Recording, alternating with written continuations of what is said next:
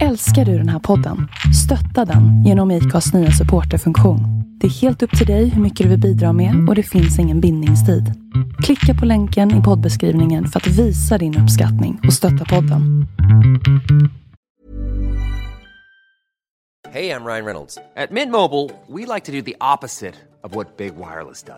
De laddar dig mycket we charge you a little. So naturally, when they announced they'd be raising their prices due to inflation, we decided to deflate our prices due to not hating you. That's right. We're cutting the price of Mint Unlimited from $30 a month to just $15 a month. Give it a try at mintmobile.com slash switch. $45 upfront for three months plus taxes and fees. Promo rate for new customers for limited time. Unlimited more than 40 gigabytes per month. Slows. Full terms at mintmobile.com. Ever catch yourself eating the same flavorless dinner three days in a row? Dreaming of something better? Well, HelloFresh is your guilt-free dream come true, baby. It's me, Kiki Palmer. Let's wake up those taste buds with hot, juicy pecan-crusted chicken or garlic butter shrimp scampi. Mm. Hello Fresh.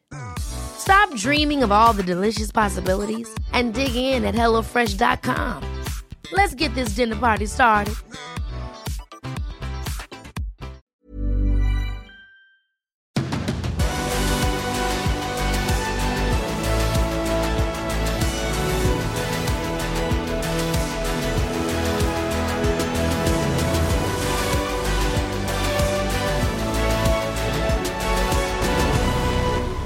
Detta är MotoGP-podden nummer 154.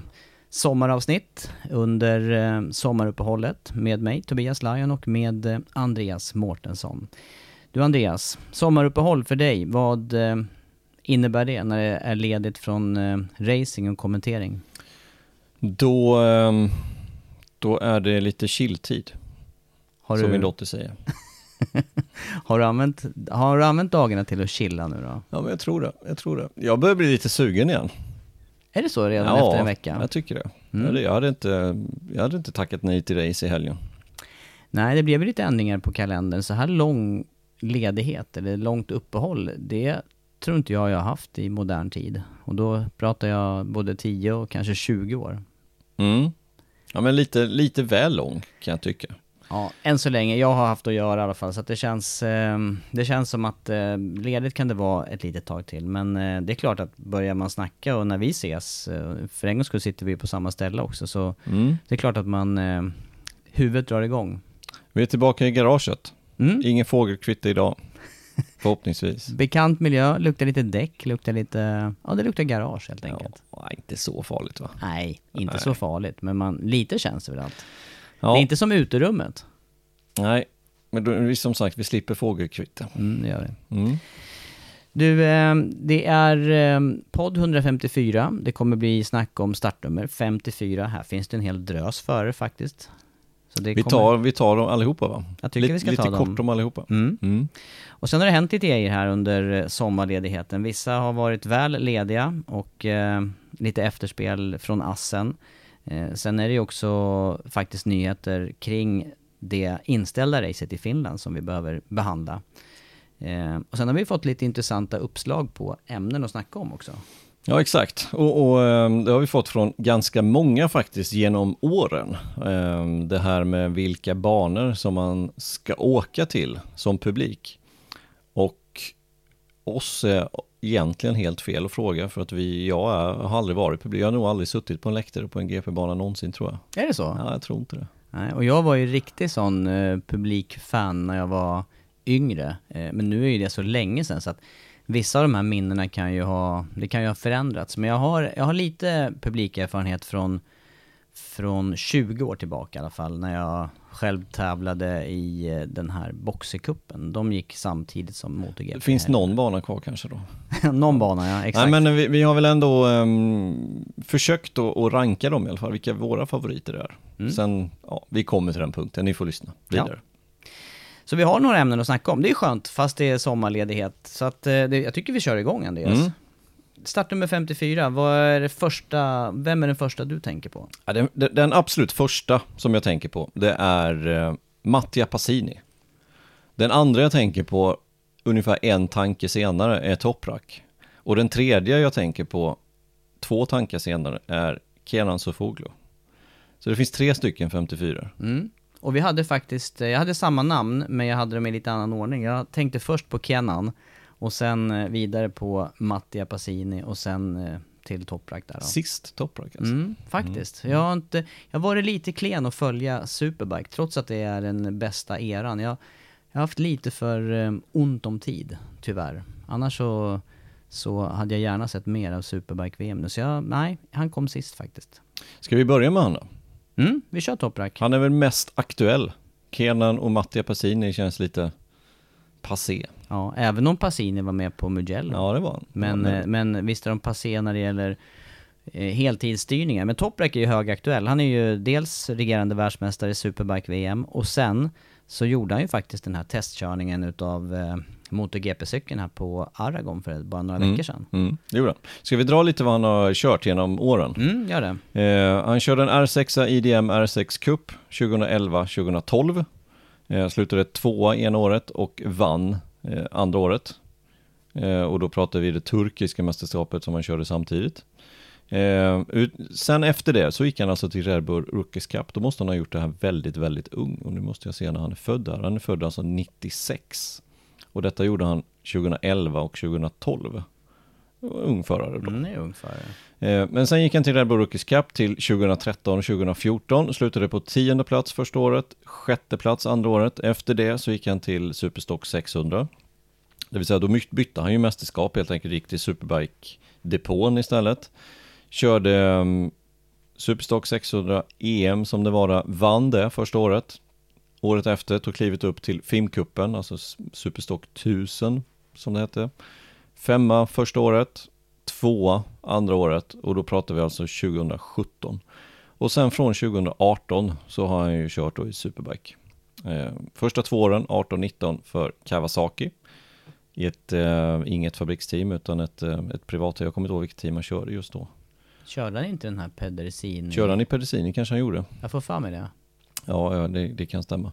Eh, och, och sen eh, fick han ju kontrakt med Yamaha. Och så har han kört där nu i, i två fulla säsonger inne på sin tredje säsong och vann ju förra året. Mm. Vad slår, eh, det här är massa, massa säsonger som han har, eh, det hans karriär i korthet där? Men, men när du tänker på honom som, som förare då, vad, vad slår dig då? Aggressiv förare. Mm. Väldigt, väldigt aggressiv. Jag tänker Eh, också det. Han lägger inga fingrar emellan överhuvudtaget och verkar inte bry sig heller att någon annan tycker att han kör hårt. Nej. Utan han är helt oberörd. Ja, faktiskt. Det, det är min känsla av honom.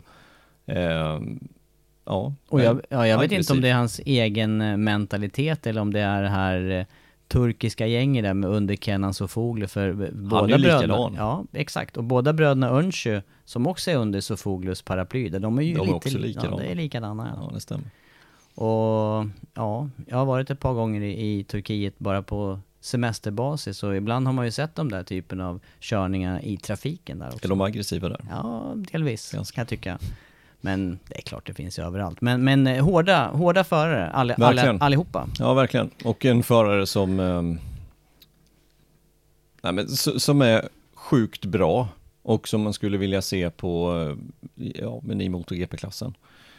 Sen hur han skulle ta sig där, det, det, det kan man ju vända och vrida på. Det finns ju både de som tror att det kommer bli succé och, och tvärtom. Och båda sidorna har ju ganska relevanta argument. Mm. Så det är jättesvårt att veta var kommer han placera sig. Ja. Och, och mycket just nu jämförs ju med Rascatlioglu med Morbidelli. Vem kommer prestera bäst? Ja, men släng in Rascatlioglu så kommer det bli mycket bättre än Morbidelli. Mm. Det, det är det. Nej, man man, vet inte. Nej, inte. man vet inte. Och han har också mycket stockklasser här innan också och Superbike-VM nu som ändå är produktionsbaserat. Och ibland, då är, det, då är det för stor skillnad där på den typen av hojar sen som kommer till, när det Ja. blir GP-hojar. Ja. Och det kanske saknas lite grann. Jag, jag tror att till exempel, med hans bakgrund skulle han vara en, en superförare om, om alla fick sitta på lik, exakt likadant uppsatta hojar. Det tror jag med. Man lottar ut de här gamla Suzuki-finalerna, GSXR 750 Ja. de man körde då. Du får en hoj av en av 50, Standard. ja standard, kör. Mm. Då skulle jag tro han vinna. Eller, Ja. eller absolut vara topp, topp. Ja, och då, då, där finns det ju andra förare i MotoGP nu som är i toppen som inte har varit någonstans. Nej, jag tänker precis. på Banjaya till exempel. Ja, till exempel. Som jag tror inte hade presterat så jättebra med de förutsättningarna. Nej. Så att, eh, men, men han skulle också kunna vara en sån förare som, som lyfter sig en nivå till, om, om man nu skulle få chansen. Mm. Att, eh, och, och det som jag tycker är slående när man ser honom, han har ju någon slags, eh, eller om det är hans pappa som har någon sån här stuntförarbakgrund. Han är ju en sån här riktig trickåkare också. Och han, har- han har ju grym känsla med broms. Han har ju den där känslan.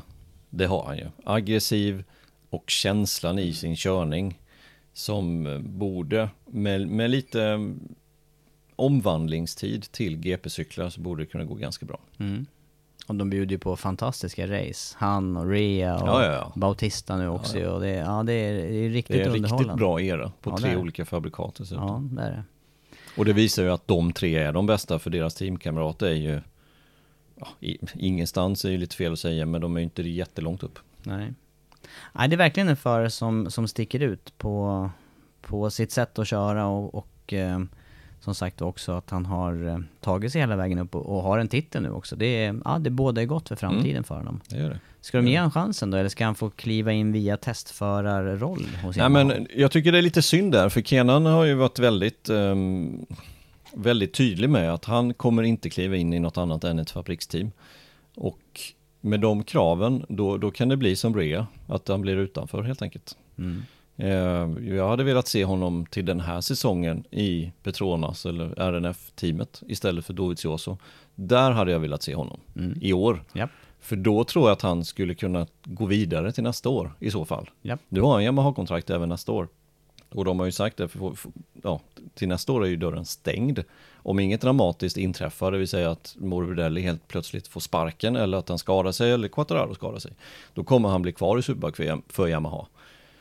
Och, ehm, Ja, då går det två viktiga år. ja, då går det viktiga. Men, men sen till året efter så är han ju fri att förhandla då. Men, men nu är det tvåårskontraktscykler här. Ja. Vilket innebär problem sen om han ska ha ett annat kontrakt till 2024. Så, jag, jag ehm, håller med dig, timingen här. Han skulle behövt vara i MotoGP i år som du Ja, säger. ja, det skulle han behövt. Och, och sen är det med den, med den förarkarusellen som har varit, eller som pågår just nu, så hade det kanske öppnats någon lucka om han hade gjort bra ifrån sig. Exakt. Så eh, jag vet inte, Eh, en fabriksstyrning, nu försvinner Suzuki, då finns det alltså 10 platser. Vilken styrning ska han ta till 2024 utav de 10 platserna? Det, det är svårt att se. Mm, I dagsläget är det Faktiskt. väldigt svårt att se. faktiskt. Så eh, jag hoppas att de, de eh, struntar i det helt enkelt och tar ett satellitteam med, med bra backning med fabriksmaterial istället. Och så får han börja där och så får vi se. För som sagt, han är född 96 och just nu är han hyfsat ung. Mm. Men som sagt, han fyller 26 i år. Nästa år 27. Ja, då blir det som rea. Då blir det 28, 29. Och då väljer man ju hellre en ung Då väljer man ju 20, of- 22-åring. Då, då kanske man väljer en, en yngre motor 2-förare som har vunnit där precis istället. Mm. Så att jag vet inte. Eh, det verkar inte bekomma varken han eller Sofoglo att vara kvar i Superbike-depån. Men eh, ja, det är det där med att vara en liten fisk i en stor damm. Eller tvärtom. Mm. Ja, precis. Och det, det har man ju också hört. Målsättningen har ju hela tiden varit att bli världsmästare i Superbike-VM. Ja. Och sen verkar ju inte horisonten ha sträckt sig längre än så. Nej. Utan det är lite synd att stoppa där tycker jag i tanken. För då kanske det är, då kanske det är stopp där. Jag vet inte om Kenan har för stor påverkan där. För att han gjorde ju själv en, en ganska kort och halvdan insats i Moto 2 jämfört med hans statistik i, eh, i Supersport-VM till Mm. exempel. Men gjorde så å andra sidan en förmögenhet på det. Ja, visst. Så att det är gott liv kan det vara. Det kan det vara. Men du, ska vi, ska vi växla över till Kenan när vi är inne på det här? Vi gör det. Ja, för Kenan Sofoglu har ju också kört med starten med 54 och med hans eh, CV, vad jag minns så var han ju världsmästare fyra, fem, var det sex gånger? Vad hän- hur många, många titlar har han? Ja, i jag har ju 600? statistiken framför mig va. Så att, nej men han var världsmästare fem gånger i Supersport. Eh, dessutom två andra platser. Och utöver det tre, två stycken tredjeplatser. Det är, det Det är nio gånger det. Ja, med Topp snabb tre. huvudräkning, precis nio gånger. Det är bra. I, ja. Men, och det, men, kunde, det kunde mycket väl blivit även 2017 när han, eh, jag tror han skadade sig eller han körde inte något race i alla fall och så var han borta. Jag har också för mig att, när du säger det här så har jag också för mig att det är en skada. Mm. Kan det vara någon, eh, någon krasch han gjorde i Tyskland där? Körde Mm. de Lausitz ring eller något liknande? Magnicor verkar det som. Han startade inte Magnicor och sen missade han racet i Jerez. Eh, Lucas Mahias vann 2017 där med eh, 29 poäng. Mm. Kunde blivit någon titel till. Ja, men också en hård förare om vi nu Mm. jämför här med, med Toprak då. Eh, Han la inte heller några fingrar emellan. Där var Kennan det, gjorde ju aldrig det. nej, Nej. det var nästan ful körning. Ja, Många gånger. ja. Mm. Det var det. Eh, och eh, de här... Alltså att, att han kommer in här nu när vi snackar GP, det var ju också att han gjorde en, en full säsong vad jag minns i Moto 2. Ja, exakt. Han gjorde ju en säsong i Superbike 2008, slutade på en 18 plats, fick inte alls det att stämma. Eh, sen gick han tillbaka till Supersport och sen så körde han eh, två stycken race i Moto 2 2010 med en femte plats i sin första start. Det var bra. Eh, och sen så gjorde han en hel säsong då 2011. Eh, bästa resultaten andra plats i, i Nederländerna. Eh, men det här var ju alltså 2010 säger du, det är, det är första 2011. året. Eh, ja. men det för, de här precis. första inhoppen där, det var första säsongen med Moto 2 och då Mm. var det ju fortfarande väldigt många chassin i, eh, i klassen. Det var ganska, ja det, jag tror att man hade, skulle man göra det här klivet fullt ut så var det nästan bäst att vara med från start. Eh, om du byter från eh, Supersport 600 då till Moto 2. Mm. Eh, Men sen vet inte jag faktiskt varför han inte kom till rätta med eh, den här, de här cyklarna. Han har ju också en, eh, han har ju också en ganska yvig körstil. Mycket sladda, brett och jag vet inte om de här GP-chassierna var för... eh, Inte säkert att det passade honom. Nej. Nej. Ehm, Det kan mycket väl varit så. Han slutade ju på en 17 plats den säsongen 2011. Det var ju den säsongen som, ehm, som Marquez skadade sig i Malaysia. Bradel vann till slut. Ehm, Men Marquez där körde ju faktiskt på ett Suter-chassi, precis som Sefoglu. Även tredjeplacerade Ian Onnen körde på Suter, så att Suter var ju med då. Sen vann ju Marquez just på Suter-chassi året efter, Mm. 2012, innan han tog klivet upp till MotoGP. Men eh, fick det inte att stämma där helt enkelt, utan det blev bara en säsong. Eh, skada dessutom i mitten på säsongen. Eh, och sen tillbaka till Supersport igen. För det var ju samma när han skulle byta, han lyckades ju inte som du säger i eh, Superbike-VM heller. Och då bytte ju de styrning där. Var det han och Toastland, kan det vara det? Som bytte från... Jag vet eh, inte vilka som bytte, men visst körde han för eh, han Tenkate? Ja, han körde Honda då. Mm, det gjorde Eh, han. Och jag har för mig att det var, kan det ha varit Toastland som, som bytte styrning och hoppade ner till, de switchade de där två förarna där. Så den ena utav dem hoppade upp då, vilket var Sofoglu och sen om det var nu Toastland som hoppade ner till 600, det blev inte bra för någon utav dem. Nej. Eh, och eh, nej, då, då blev det återgång till mindre cylindervolym igen. Eh, nej men annars då så är han ju, som du säger, han har gjort sig, en, eh, han har gjort sig mycket pengar på sina titlar. Eh, riktigt eh, bra liv verkar det som. Sen har ju det varit en massa personliga eh, tragedier inom familjen där för Sofoglu som har säkerligen påverkat hans övriga liv om man säger utanför motorcykelvärlden. Men eh, han, han har ju verkligen lagt sig vinn om att få fram nya turkiska förare där med bröderna Öncü då och sen eh, Toprak här också som vi snackade om nyss. Gjort en eh, politisk karriär också. Tror du? Det kan jag ha läst någonstans med, tidigare men eh, nej det är ingenting jag har lagt på minnet Nej, direkt. men sen hade han ju precis som du sa en, en son som gick bort Mm, så eh, var för det. massa år sedan. Mm. Och en bror också va, som gick bort. Ja. Ja, Så eh, ja, dödsfall inom familjen där, alldeles för tidiga. ja absolut. Toprak, Kennan, två utav nummer 54. Ska vi skifta fokus till eh, Mattia Passini då? Den sista utav dem, Ja, okej. Passini, han, han körde ju på Mugello. Kvalade det. bättre än sina två teamkollegor. För han gjorde wildcard i Aspar-teamet, eller GasGas i Moto 2. Ehm, och i det teamet så kör ju Jake Dixon och Albert Arenas och kvalar alltså bättre än vad de två gjorde. Och vi har sagt det några gånger i sändning att efter det så känns det som att de har lyft sig. jag tycker också det. Jag tycker det kan inte ha känts bra att bli utkvalad av Passini som Nej. hoppar in och, och gör sitt första, första inhopp för, för säsongen. Ja, körde ett race 2020. Mm, bara det. Det Inget alltså... 21, utan Nej. ett race 2020 och sen så körde han ju hela säsongen 2019. Men du, att tillägga till det här inhoppet, han gör det på Mugello som måste vara hans absoluta favoritbana. Han har ju en, en minnesvärd seger där i, visst var det här 2.50 han vann en gång? Är jag, är jag Ja. eller blandar jag ihop? Nej, han, han har faktiskt vunnit där några gånger. Han har vunnit i, eh, i 125, Ja, han har vunnit i 250, men han har också vunnit i Moto 2 ser. på Mugello. Minnet sviker inte fullt ut i alla fall. Han slutade 15 men kvalade ju betydligt bättre. Mm. Men det som också sticker ut med Passini, det är, och visst har han kört MotoGP också? Jag minns, jag min- minns att han körde någonting under den här CRT-eran. Det har han. Eh, nästan en säsong blev det, Ja. men inte mer än så. Eh, nej men det som sticker ut med Passini nu, det är ju tycker jag hans handskada. Eh, hans, nu måste jag se så jag säger rätt här, högerhand. Mm, det är det. Den är ju inte fungerande för Nej. fem öre. Jag, jag är, ser man honom så är man ju, jag är alltid lika förvånad hur han kan hålla i styret överhuvudtaget. Mm. För det är ju lite så förtvinad känsla på den här handen. Han har ju till exempel ingen handbroms där på, på högersidan, eller? Nej. Nej, det har han inte, utan han bromsar ju med vänster hand. Gasar med höger, men bromsar med vänster. Det är väldigt udda. Men eh, han själv tycker att det fungerar bra. Ja. Det är ju det är positivt. Det är bra. Ja. Och det gör det ju också, det ser vi ju på resultatet. Ja, ja, ja. Nej, det är helt fascinerande det där. Och ja, jag är fortfarande fascinerad över körningen den här sommaren faktiskt. Det, det var riktigt eh, vasst kval. Det var det. det, Mm. var det. Men du, eh, någon titel har det inte blivit för hans del, eller hur? Nej, nix. Några enstaka segrar och eh, i övrigt då så, så är hans karriär precis på... Ja, ja alltså Sista, den är ju sista. egentligen över. Han är, ju, Ja. han är ju född 85, så han är alltså 37 år i år.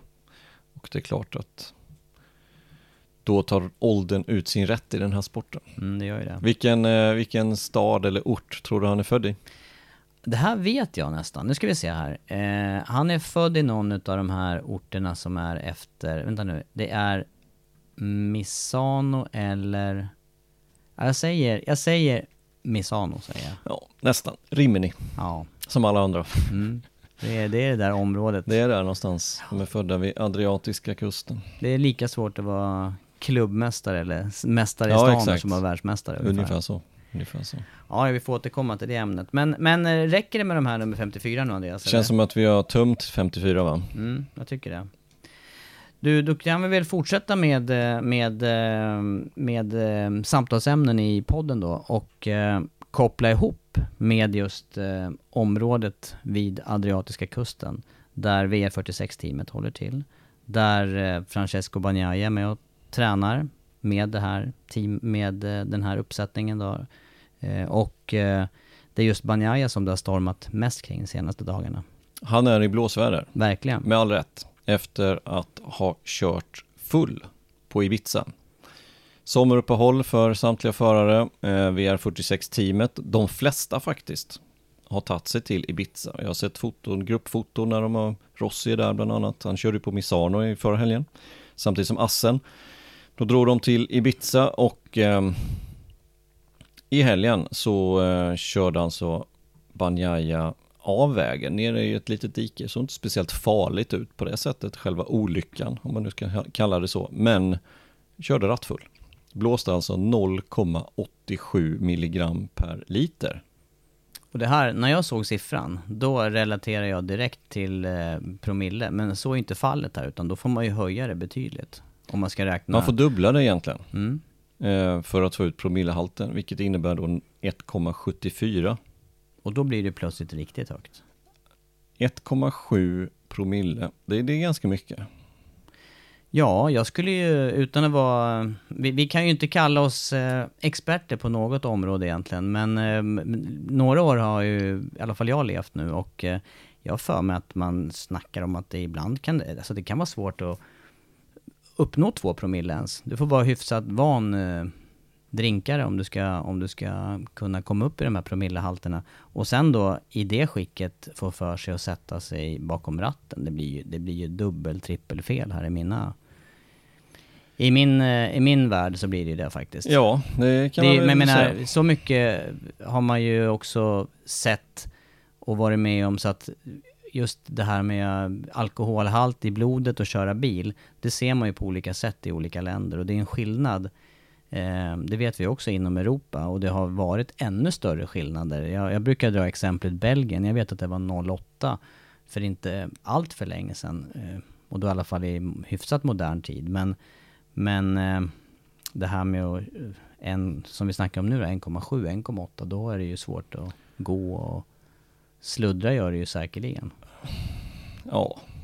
Ja, jag, har, Nej, jag jag har aldrig mätt så perfekt på Inte jag på heller, men, men en, har man 1,7, 1,8, vad nu 1,74 då, det är inte exakt uppgifter utan det är, exakt uppgiften är 0,87 milligram per liter. Ehm, det är ju otroligt mycket. Ja, det är det. Och då undrar man ju, va, hur kommer det här sig att han sätter sig bakom ratten? Det, måste ju finnas Ja. hundra bättre lösningar för en förare eh, med eh, stora ekonomiska medel, med eh, folk runt omkring också som kan ingripa eller säga stopp, det här, är- det här är ingen bra idé. Nej, alltså ta- tar vi lite först vad, nu har jag inte hittat en exakt tabell här, men, men i alla fall den här tabellen som jag har här. Tar vi då milligram per liter så låg han alltså på 0,87. Gränsen är då 0,50 till 0,92. Det vill säga att han är, ja, 0,87 är ju i högre spannet av det Mm. där. Ehm, då är det alltså grovt rattfylleri, nu är det i Sverige detta då, då är det grovt rattfylleri. Ehm, det är mycket helt enkelt. Eh, vid grovt rattfylleri kan straffet bli fängelse i högst två år och körkortet kan återkallas under 24 månader. Grovt rattfylleri i kombination med grovt vållande till annans död, det var det ju inte i det här fallet, kan ge upp till åtta års fängelse. Det, Mm. det är så det säger Ja. i Sverige. Ja, ja. Och 0,25 milligram per liter var gränsen i Spanien. Och detta var alltså tre gånger så mycket. Han var drängfull helt ja, enkelt. det måste man ju säga. I det här Inget läget annat. måste man ju säga, nej. Detta var tre på natten dessutom. Nej, men det, det är jättemärkligt och det är också en... Nej, det, det, är, det är dåligt på många sätt det här. Det är, frågan är vad det är för, han, för efterverkningar för hans eh, fortsatta säsonger och fortsatta kontrakt. Jag menar, man, man, har ju, man har ju ett ännu Men- större ansvar. Ja men det är klart Som han offentlig har. person ja, men det är klart han har. Han har precis vunnit passen. Mm. Eh, och sen hände detta en vecka senare. Han har, när, när detta började komma upp till ytan så tog det bara någon timme egentligen. Sen kom det en public statement på hans Instagram. Det är det enda till dags datum. Vi spelar in det här torsdag vid lunchtid. Som vi har sett. Vi har inte sett någonting ifrån Ducati. Vi har inte sett någonting ifrån VR46-akademin, utan det enda som vi har sett, det är lite text ifrån han själv på Instagram. Ska jag läsa vad han har, vad han har skrivit här? gör det. Han skriver så här. Last night I was in Ibiza with my friends for a party during this break from MotoGP. We celebrated and toasted together for my victory at the Dutch GP. As I was leaving the disco at 3 a.m., I was facing a roundabout when I ended up with the front wheels in a ditch without involving other vehicles or people. However, the alcohol test carried out by the police found that the blood alcohol level was higher than what is allowed by Spanish law. I am sorry for what happened. I'm practically a non drinker, and it was a serious carelessness that should not have happened. I apologize to everyone, and I can assure you that I have learned my lesson. Never get behind a wheel after drinking alcohol. Thank you. Ja, jag vet inte. I, det, något som sticker ut i den här formuleringen, tänker jag, det är ju det här med I'm practically a non-drinker. Det, det kan ju säkert vara så under säsong för de allra flesta, men samtidigt så är det där en så pass hög eh, promillehalt, så är du, är du practically a non-drinker, då har du ju definitivt inte någon idé om att köra bil Han kan, knä- alltså, hade jag haft det där, jag är också practically non-drinker. Jag skulle ju nästan säga att du är en non-drinker. Ja, men det, det vet ju du. Och, Ja. ja. Hade jag haft 1,87 eller Ja. 1,78 eller vad det var för någonting. Då hade du... Jag hade inte kunnat gå till bilen. Nej. Det, det, det är på den nivån. Nej. Jag hade inte ens kunnat hitta bilnyckeln. Å andra sidan har jag en bil som inte kräver att jag hittar bilnyckeln. Bilen kan öppna sig ändå och starta när jag trycker på knappen. Du har väl något självkörande? Det är bara Nästing på, men, och men, men det- är liksom nivån på det hela. Eh, och jag tycker den här ursäkten är jag förväntar mig att det kommer något mer om man säger så. För det här är bara, det är skrivet på bakfyllan i ett text- textdokument på en iPhone liksom. Och sen Mm. fortsatte han med, med sitt poolhäng ungefär. Så känns den här ursäkten. Uh, I can assure you that I have learned my lesson. Nej, det har du inte. Med ett litet public statement. Man får ju igen den här känslan. Alla, så alla har ju också en liten uppfattning om... Eh, Ibiza är ju en sån här välkänd... Det är, det är ju party, håll igång ö nummer ett. I alla fall har det ju varit. Eh, och det kanske är så fortfarande. Det, det har inte jag... Så, så bra koll har jag inte. Men jag menar, det, det är ju... Det är ju dit folk drar för att just slappna av och festa. Ja. Då måste man ju ha ett upplägg, tänker jag, som, som det här gänget, VR46, om de är där tillsammans. Om han är där med dem, inte ska han behöva ta sin hyrbil och dra hem från ett disco klockan tre. Nej, men- Så, alltså nej, det, exakt. Det, Alltså- då, då måste man ju ha något upplägg om att då blir man körd, eller man ringer en taxi, eller vad som helst. För mig är det ganska många varningsklockor som ringer här. Ja, ja, ja. För, för jag följer de flesta i VR46-akademin på ett eller annat sätt via sociala medier. De flesta har lagt ut bilder från tidigare under den här festperioden. Eh, de, de är alltså samlade. Rossi är där. Rossis eh, flickvän är det väl är där. Dottern är där. Flera, Luca Marini är där. Flera ifrån VR46 akademin är tillsammans där. Och har de varit tillsammans på det här diskot? Inte vet jag. Det, det kanske de har. Det är ingen som vet riktigt om de har varit där. Men i vilket fall som helst att ens få för sig tanken i det sällskapet att alltså med, med den bästa genom alla tider är på plats. Att då få för sig att nej men jag tar bilen hem drängfull. Att inte den varningsklocka ens ringer där. Det, det får mig att tro att det är något annat problem här. Mm. Det är liksom ett kulturproblem här. Ja, men har inte vi snackat det här tidigare? Jag Jo. tänker på en presskonferens Ja, för ett par år sedan. Jag undrar om inte vi faktiskt var på plats då också? I Jag tror vi var det. Eh, Misano. Nu kommer inte jag ihåg exakt. Jag kommer ihåg vad han sa, men jag kommer inte ihåg sammanhanget Nej, riktigt. det gör inte jag heller. Men han sa någonting om att de pratade om kvinnor Ja, någonting I det hela? Ja, det måste ha varit. eh, och så sa han någonting att maybe she is having her period or something. Det här var ju Banjaya som sa. Det var Banjaya som Mm. sa under en presskonferens. Mm. Lite fartblind, lite... eh, Han kände sig som att han var hemma i sitt vardagsrum ungefär. Så kändes Med det sina som. polare. Ja, I tonåren nästan. Man uttrycker sig inte så. Nej. tycker jag. Eh, men nu, nu är detta Italien, Spanien är annat än Skandinavien och Ja. Sverige Ja, framförallt. Mm. Eh, men det får mig att tro att det ligger andra grejer bakom här. Det, detta är inte det enda. Nej, han skulle vara mera... Jag, hade, jag är också inne på det att det skulle kunna vara något strukturellt här liksom i det här gänget. De blir, de umgås, de tränar, de... Eh, eh samtidigt, de medietränar, de är ju... Det har ju verkligen lyft deras körning. Alla är involverade i princip i den här V46-akademin har ju blivit lyfta i sina karriärer. Nästan utan undantag.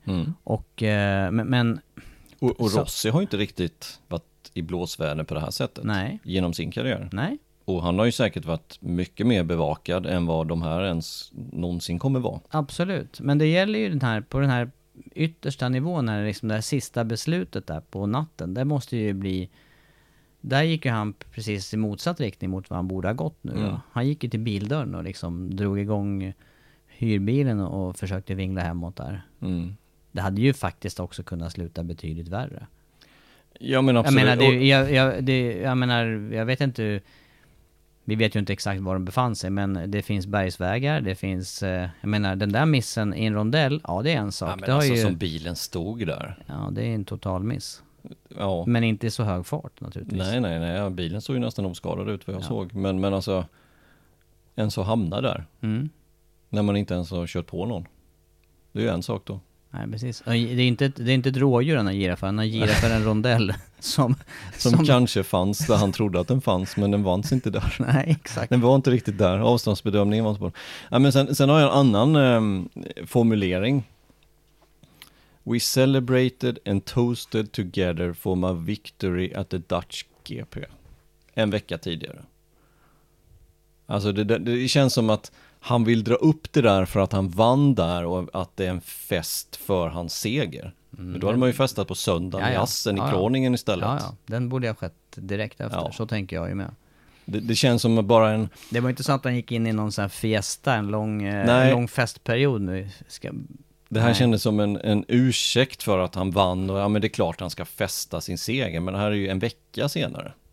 Alltså, ja, det är historia. jag köper inte den här, Nej, den här förklaringen liksom. är också skumt formulerat. Ja, jag håller med dig. väldigt. Väldigt.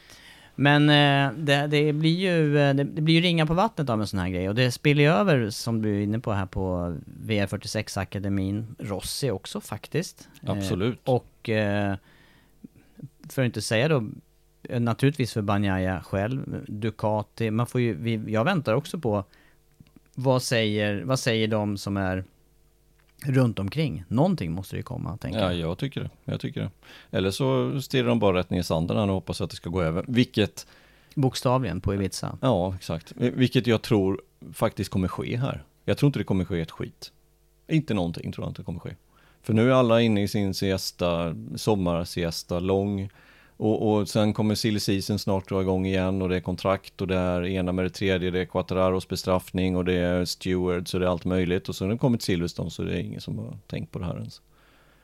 Vilket jag tycker är helt fel. Det här, det får, han får inte göra så här helt enkelt. Nej. Inte en världsstjärna i MotoGP får inte göra så här. Eh, in, definitivt inte utan konsekvenser.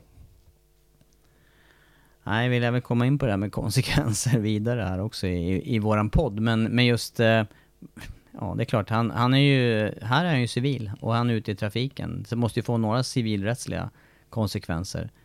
Körkorts, körkort, eh, böter, sådana här saker. Ja, Plus, ehm, jo visst. Ehm, nu, nu, jag känner inte Banjaya.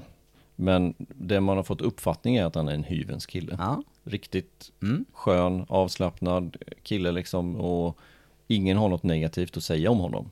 Så, så alla kan göra misstag. Absolut, och, och jag dömer inte honom liksom i förlängningen för jag dömer hans handling som är otroligt korkad. Men jag dömer inte honom på det sättet. Däremot tycker jag att det ska få konsekvenser för jag tycker att det här är en, en när, när någonting sker i trafik, nu håller vi på med en, en motorsport som inte har någonting med trafik att göra, men, men det håller ändå på med liksom att framföra ett fordon här. Då tycker jag att det ska få konsekvenser. Hade han, hade han gjort något annat som inte har med motortrafik att göra, okej, då, då kunde jag kanske tycka att man ska släppa det helt. Men just när det gäller det här så tycker jag inte det. nej, kopplingen är för nära. Jag Kopplingen är för mm, nära i det här. Eh, och, och jag tycker att det här kan vara, jag tycker, att här, jag, jag tycker nästan att Dorna Film ska gå in här och göra någon, någon typ av konsekvens. Jag vet inte om race ban är, alltså en, en avstängning ett race. Jag skulle inte protestera om man fick ett race, till exempel. Nej. För att verkligen markera att så här gör vi inte. Det, ni, må, ni måste förstå att ni är förebilder i den här sporten. Speciellt när det gäller att framföra ett motorfordon. Nej, ja, ja, ja, ja, ja absolut. absolut möjligt med någon slags eh, påföljd in i hans... Sen är det två skilda verksamheter, trafiken och det som sker på banorna, men det blir ju för... Eh, det handlar ju om andra saker också. Det handlar ju om vilka, vilka förebilder man är för yngre och hur... Men där har de ju redan, som vi är inne på här i snacket, där eh, kanske de har fått lite grumlad syn, hela det här akademin liksom, och de hänger tillsammans där. Det blir ju lite som en en sluten sfär. Och det sa vi ju redan vid den där kommentaren på den här presskonferensen Ja, för ja. tre, fyra år sedan. Som också var helt onödig. Mm, faktiskt. Nej, ehm, dåligt. Det kan vi konstatera och ehm, oväntat faktiskt. Eh, Väldigt oväntat. För, för som du säger, det, det man ser utåt sett är ju eh, en annan bild. Och eh, mm, Och även när man snackar med de som är runt honom Ja. så är det en helt annan bild också. ja. Så, ja. Nej, Nej, vi får se, inte- vi får, vi får följa, inte- inte vi får följa efterdyningarna utav det här. Men tråkigt för honom själv och det blir ju... jag tror inte det blir över. någonting. Nej. Jag tror, inte det, jag tror det kommer begravas bara. Jag, jag förväntar mig någonting från Ducati. Åtminstone ifrån Ducati. Ja, ja, ja. Förväntar jag mig att det kommer någonting. Eh, nu är det torsdag, vi har inte sett någonting än. Och det förvånar mig. Mm. Faktiskt. Ja. Men eh, jag, jag förväntar mig att det kommer och att det sen ja, kommer falla i glömska helt enkelt. Det, det är det jag tror kommer hända. Mm, vi får se. Vi får se. Ja, men det är klart man blir lite eftertänksam här och fundersam vad, det här, vad som ligger bakom. Han kanske har problem med det här. Med att dricka alltså. Det verkar ju... Jag tror inte det. Tror du det? Han ger ju inte det skenet. Nej, men, jag menar, inte- var, men varför en, eh, sätter man sig bakom ratten i det här Men man är läget full. Jo, jo, Alltså, hur många, har inte du gjort dumma beslut när du är full? absolut. Ja. Så, Jag det, också. Det är klart att jag inte kan såga. Men jag har inte det är klart jag inte kan såga honom vid fotknölarna liksom. det, det går ju inte så. Men, men, men i hans position där, det finns ju, som, där finns det, det fanns ju flera andra vägar. Ja, ja, ja men exakt, det är det som är. Men det är klart att man gör dumma saker, det, det är ingen som det är ingen som säger det, men det här är en extremt dum sak och det, det måste liksom, den gränsen måste, även när man är drängfull så måste man ha förstått att man passerar den gränsen. Ja. Sen spelar det ingen roll om man är på Ibiza och festar och har världens roligt liksom, utan någonstans finns det röda linjer Ja. och den gick han över brutalt. Ja. ja, exakt. Väldigt mycket. Ja, Du, eh, vi släpper Banjaya nu. Får vi Ja. se vad som händer där. Vad det blir för eh, efterverkningar och efter... Eh, ja, vilka påföljder han kan tänkas få. Du, eh, det, är inte färdigsnackat heller kring eh, Quartararo och incidenten på, på Assen verkar det som. För att sen vi gjorde förra podden, då har det fortsatt den här kritiken mot eh, bland annat Freddie Spencer då som sitter med den här panelen som bestämmer påföljder av det som sker på banan. Och då har det alltså fyllts på med eh, kommentarer och uttalanden från Lynn Jarvis bland annat. Och då, då har det ju tagits en nivå till, eller vad säger Mm. du Andreas? Jo men det har det gjort. Eh, förra gången när vi snackade så var det ju från Quattararo. Han hade ju precis då släppt ett, eh, ett statement på sina sociala medier. Där han tyckte att det var, eh, han var inte nöjd helt enkelt. Eh, och sen tog det väl bara någon dag så gick eh, Lin Jarvis ut också och skrev sitt lite mer balanserat. Men ändå ganska kraftig kritik mot Stewart. Så i framförallt är det ju Freddie Spence givetvis som, som får ta han får ta smällen. Mm. Eh, och Lin Jarvis kan man ju tänka sig vad han sa där och det var ju just att han var inte nöjd med hur det här beslutet gick till. Eh, han var inte nöjd med att eh, man får bestraffning givetvis. Eh, och även om man jämför då med andra incidenter som har skett. Det tog vi ju. Vi, jag tyckte vi gick igenom dem vad vi tyckte åtminstone. Ehm, och de exemplen drog ju också Lin Jarvis upp i den här. Och plus att han inte, alltså Lin Jarvis, inte, Yamaha kan inte protestera mot det här. Utan det här är, det är final. Mm. Ja. Eh, det går inte att gå, han, han skulle gärna vilja gå till KAS, eh, högsta instans helt enkelt. Eh, men det går inte i ett sånt här beslut. Men egentligen alltså det här med, vi, vi gick ju igenom det här som du säger väldigt noggrant förra podden och eh, gjorde jämförelse med Nakagami, med eh, Banyaya och eh, vad var det tredje omkörningsförsöket? Miller. Miller och Mir, ja, och just det, Portimao. Eh, och eh, bestraffningen här som vi snackar om nu för Quartararo och hans hans eh, omkullkörning eller han körde omkull själv och drog med sig Aleix Sparger ut i sanden. Sparger höll sig faktiskt på hjulen här. Men, Mm. men det blir alltså en, en long lap penalty, en bestraffning det här som ska ta ungefär tre sekunder att, att genomföra Ja. på Silverstone. Ja. Det, säger man tre sekunder, då låter det inte så mycket.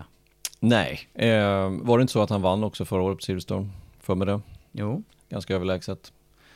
Eh, jag tror att han har stora möjligheter att vinna ändå, men det, det är inte det det handlar om egentligen här, utan det handlar om bestraffningen och eh, där har de ju satt sig nu i en knivig situation. Precis som jag sa förra veckan, jag står fast vid att jag tycker fortfarande att misstaget från Quattararo i det här läget är större än vad de andra tre gjorde för misstag. det tycker jag också. Men, ska man hitta den linjen då att inte, inte, inte, men Quattararo, han ska vi bestraffa. Då drar man ju linjen däremellan. Och den blir ju svår att upprätthålla. Den blir ju extremt svår att upprätthålla. Man ska ju komma ihåg att här, här får han ju bestraffningen för att han var alldeles för ambition, overly ambitious. Ja. Vilket han var också. Men var inte Nakagami det då? Var inte Mille det? Var inte Banjaya det? Då gäller det att hitta den där, okej, men då drar vi linjen där. Och det är ju precis det de har gjort nu. Det blir ju svårt att hålla den linjen. För nästa gång, vilken sida av den linjen befinner man sig då? Det kommer bli oerhört svårt för De gör det svårt för sig helt enkelt genom att bestraffa den här. Och jag tycker återigen att de skulle ha släppt detta. Precis som de flesta andra. Men jag håller med om att misstaget från Quattararo är större än från de andra. Även, för, för nu går vi på misstaget, vi går inte på konsekvensen. Det har jag sett massa också på sociala medier. Och Nakagami och bruten arm på rins och hojar i samfållan upp och ner och kraschar och hojar. Medan Alicia Sparger bara kör av lite grann liksom. Men Och i slutändan faktiskt blir det bättre för honom, tror jag, än om... Hade Quartararo hållit sig på hjulen här? eh, han hade ju Aleix inte tagit in de poängen. Nej, Nej, inte det hade han ju inte gjort. Men hade det varit bättre om Quattararo gick omkull utan att dra med sig Alicia Sparger. ja, det hade varit ännu bättre. Ja, men, men eh, som sagt, det är inte konsekvensen här i det här läget, utan det är liksom handlingen som är overly ambitious och jag håller fortfarande med om att det är så. Men, men jag tycker också att hitta den där linjen däremellan, den är ju extremt svår. Och jag tycker att man skulle släppt detta också. Definitivt. Då har vi alltså en, en eh, före detta världsmästare som eh, på något vis får klä skott för det här beslutet. Nu, nu är de ju flera personer i den här panelen som, som tar beslutet där och det är klart de tittar på den här händelsen flera gånger. De ser eh, ungefär som man gör eh, i, eh, i fotboll med den här eh, kameran i efterhand. Eh, och, och kommer fram till just att, ja men det här, vi fick ju också den känslan att Quattararo var inte i läge, han var inte i slagläge för den här omkörningen. Nej. Men sen är det racing, alla vet hur de här, hur snabba beslut man måste fatta och ibland så fattar man fel beslut. I, i sammanhanget är jag nästan förvånad över hur många race där det, där det inte är incidenter fast det är Ja. så tätt. Ja, ja. Om man nu ska vända på steken. Och den Så här att- svängen, vi, alltså själva incidenten tog vi förra veckan, men, men det är ju en svår sväng. För att har du väl bestämt dig, då måste du gå på innen. Så enkelt är det. Du kan inte backa ur det där. Utan har du väl lyft upp cykeln ur högersvängen och sikta på vänstersvängen på insidan, då har du bestämt dig. Du kan inte backa ur det. Det går inte att backa ur det där. Och du ska göra det på Alicia Sparger som ligger tvåa i VM och det är inte så lätt att göra det. Eh, och, och sen gör han ett misstag och jag, jag tycker när man läser när man läser den här statement från, ehm, från eh, Lin Jarvis eh, så är han inne på en annan bra grej tycker jag att de view this as a race incident, vilket är förståeligt då. Vilket jag också gör, även fast jag tycker återigen att han är mer overly ambitious än de andra tre i det här sammanhanget, som även Jarvis drar upp. Men han skriver också så här, Quattararo has the reputation of being a clean rider without a track record of prior incidents. Mm, så är det. Det där tycker jag är viktigt i det här, för då kommer vi in på det här poängsystemet Ja. återigen. Ja. För en sån här grej, hade det skett i sista racet, det står mellan de här två, vad hade man gjort då? Hade man släppt det då också? Eller hade man bestraffat det? Nu släppte man ju inte det, men Jag tror man hade släppt det. då kommer man ju in på svåra saker. Mm. För gjorde han det med flit, då, då är han ju, ja, det är ju bra för hans del. Mm. Ska man släppa det då också? Eller inte? Eh, och då tycker jag det här är viktigt. Just att han har en reputation of being a clean rider. Precis, och det har han ju också. Mm. Han är ju aldrig inblandad i sådana här saker Nej. normalt sett. Nej. Och därför tycker jag återigen det här poängsystemet, in med det bara. För Och då, då, då hade han kunnat få ett par poäng på det här. exakt. Mm. Och hade han gjort det två gånger till så åker han, då åker han på en, en rejäl bestraffning istället. Nej, och jag tror det, det jag tror hände här, det var ju att han märkte att han kom för, för hett in i, i momentet och så nyper han till lite extra på bromsen för att inte köra in i Aleix Sparger. För det var ju det som hade Ja, skett ja. Di- direkt, men, men vurpar i förväg istället då. Han bromsar ju så pass sent så att han, Han var overly ambitious. ja. Ja. Ja. Det är inget snack, det, så var det. Mm. Eh, ska det bestraffas eller inte? Nej, för man sätter sig i en riktigt dålig situation i framtiden om man bestraffar denna. Och det har de gjort nu. Och det kommer, det, det kommer bli svårt framöver. Och, och ranka, helt enkelt. Vem gjorde mest misstag? Mm. För som sagt, bestraffar man det här men inte de andra, då blir det svårt i framtiden. Nej, och sen så tittar vi in då i, eh, i de lägre klasserna där sådana här saker händer oftare egentligen. Det gör det, men, men det känns som att det har de nästan, de har inte uttalat det till media, men det känns som att de har det internt att när det händer grejer i de lägre klasserna då bestraffas det mer för att på något sätt lära de yngre förarna hur man ska bete sig, men medan de släpper mer incidenter i MotoGP. Så Mm. det, det är min känsla. Även när det gäller att, att åka långsamt på banan och ja, vara i vägen för att lite trafik och sådana här saker. Det ser vi ju ibland i MotoGP och det släpper de mer i den större klassen. Mm. Jo. Men du, vad, vad hamnar den här frågan till slut då? Det blir, eh, det blir ifrågasättande utav eh, beslut och domslut i det här fallet. Ja, nej men det, det här, eh, jag tycker återigen att det här ska inte skötas via media.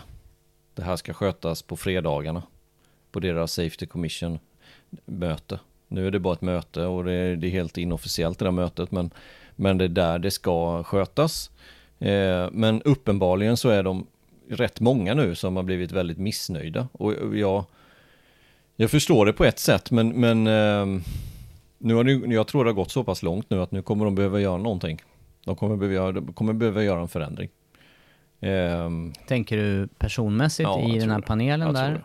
Eller att man eh, ser över idén här med poängsystem också ja, kanske? kanske. båda två. Mm. Kanske båda två. Att man gör någon typ av förändring. För, för som det är nu, det är inte hållbart att uh, förare efter förare, Rins var det i Barcelona, nu var det Assen. Ehm, det, det är inte hållbart att dels att de går ut och säger som de gör, det är inte hållbart. Men dels att de är, de är förbannade. Så skulle jag säga. Mm. Och de vet nog inte riktigt var, var gränsen går. Och där behöver det bli mer, eh, det blir, behöver mer, bli mer tydligt helt enkelt. Eh, Och sen kanske reglementet behöver ändras till viss del. Översyn av eh, reglemente och eventuella framtida förändringar alltså utav den här händelsen. Ja, jag tycker vi har inte mycket mer att fylla i här, eller hur? Och jag tycker det är synd, för jag tycker att ändå att det, det är, då- jag tycker de gör rätt bedömning. De gör ju den bedömningen som jag också hade gjort här, Mm, att det ja, här den var- är ett om. steg mer. Mm, ja. Men den bedömningen med bestraffningen, det, det är väl det som är ja, lite fel. Mm. Men det kanske är mer en reglementesak. Men det är han som får stå i skottgluggen för att reglementet ser ut som det gör. För man vill ha mer direkta bestraffningar Ja. efter det som hände i Malaysia 2015. Nu blir det ju ändå inte så, utan nu blir det till nästa race. Så att, Det är budbäraren igen här som råkar illa ut. ja, jag skulle säga att det är mer så. Mm. För, för att, att, att säga att Freddie Spencer inte begriper sig på racing, det, det tycker inte jag man kan säga. Då, då är man orättvis. Eh, utan jag tror att han har ett han har ett svårt uppdrag tillsammans med sina kollegor där och det är kanske där det behöver stöttas upp med en person till som är lite mer juridisk utbildad kanske. Mm, kanske. Eh, Och sen skriva om reglementet lite. Då tror jag att de kommer få ordning på det här men det har nog gått så pass långt nu att det blir svårt att få honom att fortsätta och få att han ska behålla respekten ifrån de som man ändå ska döma. Och det blir problem. Ja, det får sätta punkt för eh, efter eh, dyningarna utav händelserna på Assen där mellan Quartararo och Aleix Spargaro. Vi får eh, anledning att återkomma när säsongen drar igång igen och den här bestraffningen ska eh, tas då utav Quartararo på Silverstone. Du, eh, apropå banor här, Silverstone. Nu blir det mycket bansnack eh, för att eh, det har eh, också släppts lite nyheter kring eh, det inställda racet i Finland som, eh, som annars skulle ha gått under den här kommande helgen. Mm. Vad är, det- vad är det senaste nytt kring Kymi Ring? Som, Det senaste är att de, eh, visst är de begärda i konkurs och att de har skulder på 25 miljoner euro. Det låter ju dåligt. det låter dåligt ja. Ja. Eh, och det här är information som kommer ifrån eh, tyska Speedweek och eh, där har de ju en bra journalist som heter Günther Weisinger. Han har vi ju träffat ett gäng gånger i depån. Han är ju en riktig sån här klassisk journalist som har varit där i 40 år. Vi Med vi lill, pra- lilla anteckningsblock Ja. i fickan och han, Så fort vi pratade med honom så direkt, ja är ni från uh, Gislaved Anderstorp? Okej, då skrev han upp där. För han har ju varit på Anderstorp på GP hur många gånger som helst. ja, ja, han har ju jobbat med det här i 40 år. Alltså ska man, Ja. ska, snack, på snack om trovärdig journalist eh, och kunnig så, så kommer han högt upp på min lista i alla fall. Det gör han. Ja. Det gör han. Han, Men, han skriver inte någonting som är lite rykten eller ja. Nej, precis. Så. Och sen, och sen lever han och är på plats överallt också. Så att, Mm. eh, det, det ger ju extra tyngd åt det här. Men, men eh, illa för Kymering alltså som... Eh, ja, Ja, vi får väl se om det ens kommer bli något race där. Det har ju snackats om det här sen de kom in på kalendern egentligen. Eh, och det har varit ganska tyst. Det har egentligen bara varit spekulationer. Och det är klart alla får ju spekulera, men vi har, ju, vi har väl hållit oss ifrån om det blir race, om det inte blir race och spekulera om det. Utan så länge vi inte hör något annat så är det väl det som gäller. mm. Eh, något annat har inte jag hört och, och nu börjar det dock sippra ut lite eh, ja, men, rykten, nyheter just kring skulder och så vidare. Ja, nej men då, det är ju det är ett illa läge, det, det förstår vi och eh, det här gör ju att chanserna minskar för ett MotoGP-race i de nordiska länderna för stunden. Mm. Eh, det här var ju ett ambitiöst projekt i alla fall och vi får väl se vad det tar vägen, precis som eh, de här andra frågorna som vi har snackat om. Det lär ju inte vara slutskrivet och slutpratat Nej. om det här, för de skrev Nej. ju dessutom ett femårskontrakt med Ja, Dorna. vem vet, vem vet vad som kommer hända här? Det, det kanske finns någon finansiär, staten i Finland kanske går in till slut och, och stötta upp det projektet. Vem vet, de har ju ganska bra tradition av att stötta motorsport, vem vet. Mm. Ingen men så, men så, just nu. Nej, men så är läget i alla fall just nu. Inget race i år och ett, eh, ett dåligt ekonomiskt läge för Kymering. Jewelry isn't a gift you give just once. It's a way to remind your loved one of a beautiful moment every time they see it. Blue Nile can help you find the gift that says how you feel and says it beautifully with expert guidance and a wide assortment of jewelry of the highest quality at the best price. Go to BlueNile.com and experience the convenience of shopping Blue Nile, the original online jeweler since 1999. That's BlueNile.com to find the perfect jewelry gift for any occasion. BlueNile.com. Ever catch yourself eating the same flavorless dinner three days in a row? Dreaming of something better? Well, HelloFresh is your guilt-free dream come true, baby. It's me, Kiki Palmer. Let's wake up those taste buds with hot, juicy pecan-crusted chicken or garlic butter shrimp scampi. Mm. Hello Fresh. Stop dreaming of all the delicious possibilities and dig in at HelloFresh.com. Let's get this dinner party started. Hiring for your small business? If you're not looking for professionals on LinkedIn, you're looking in the wrong place. That's like looking for your car keys in a fish tank. LinkedIn helps you hire professionals you can't find anywhere else, even those who aren't actively searching for a new job but might be open to the perfect role. In a given month, over 70% of LinkedIn users don't even visit other leading job sites. So start looking in the right place. With LinkedIn, you can hire professionals like a professional. Post your free job on linkedin.com slash achieve today. Men du, då kan vi gå in och gå ut ur det här programmet eller den här podden med lite positiva eh, tongångar istället. För att den här frågan om vart man ska åka och kika på race, jag går igång på den i alla fall. Jag tycker det är, det är roligt att, att spekulera och, och, och snacka. Och vi, vi var ju tvungna att prata igenom lite grann innan vi drog igång och spela in. Eh, och det, det finns ju många aspekter att väga in det här med var man ska åka på race. Detta var ju våran huvudpunkt och vi har pratat nu i, i snart 55 minuter. Blir det sommarlång podd eller? Är vi inne i någon semester? Går det långsamt när vi snackar eller vad ja, händer? någonting är det ju, vi kanske är trögtänkta. Säger samma saker flera gånger har jag känt att jag kanske har gjort så det är väl där kanske. Men du Andreas, Mm. eh, kalendern, den Ja. består, om man räknar in Kymering så består ju årets kalender av 21 banor, eller hur?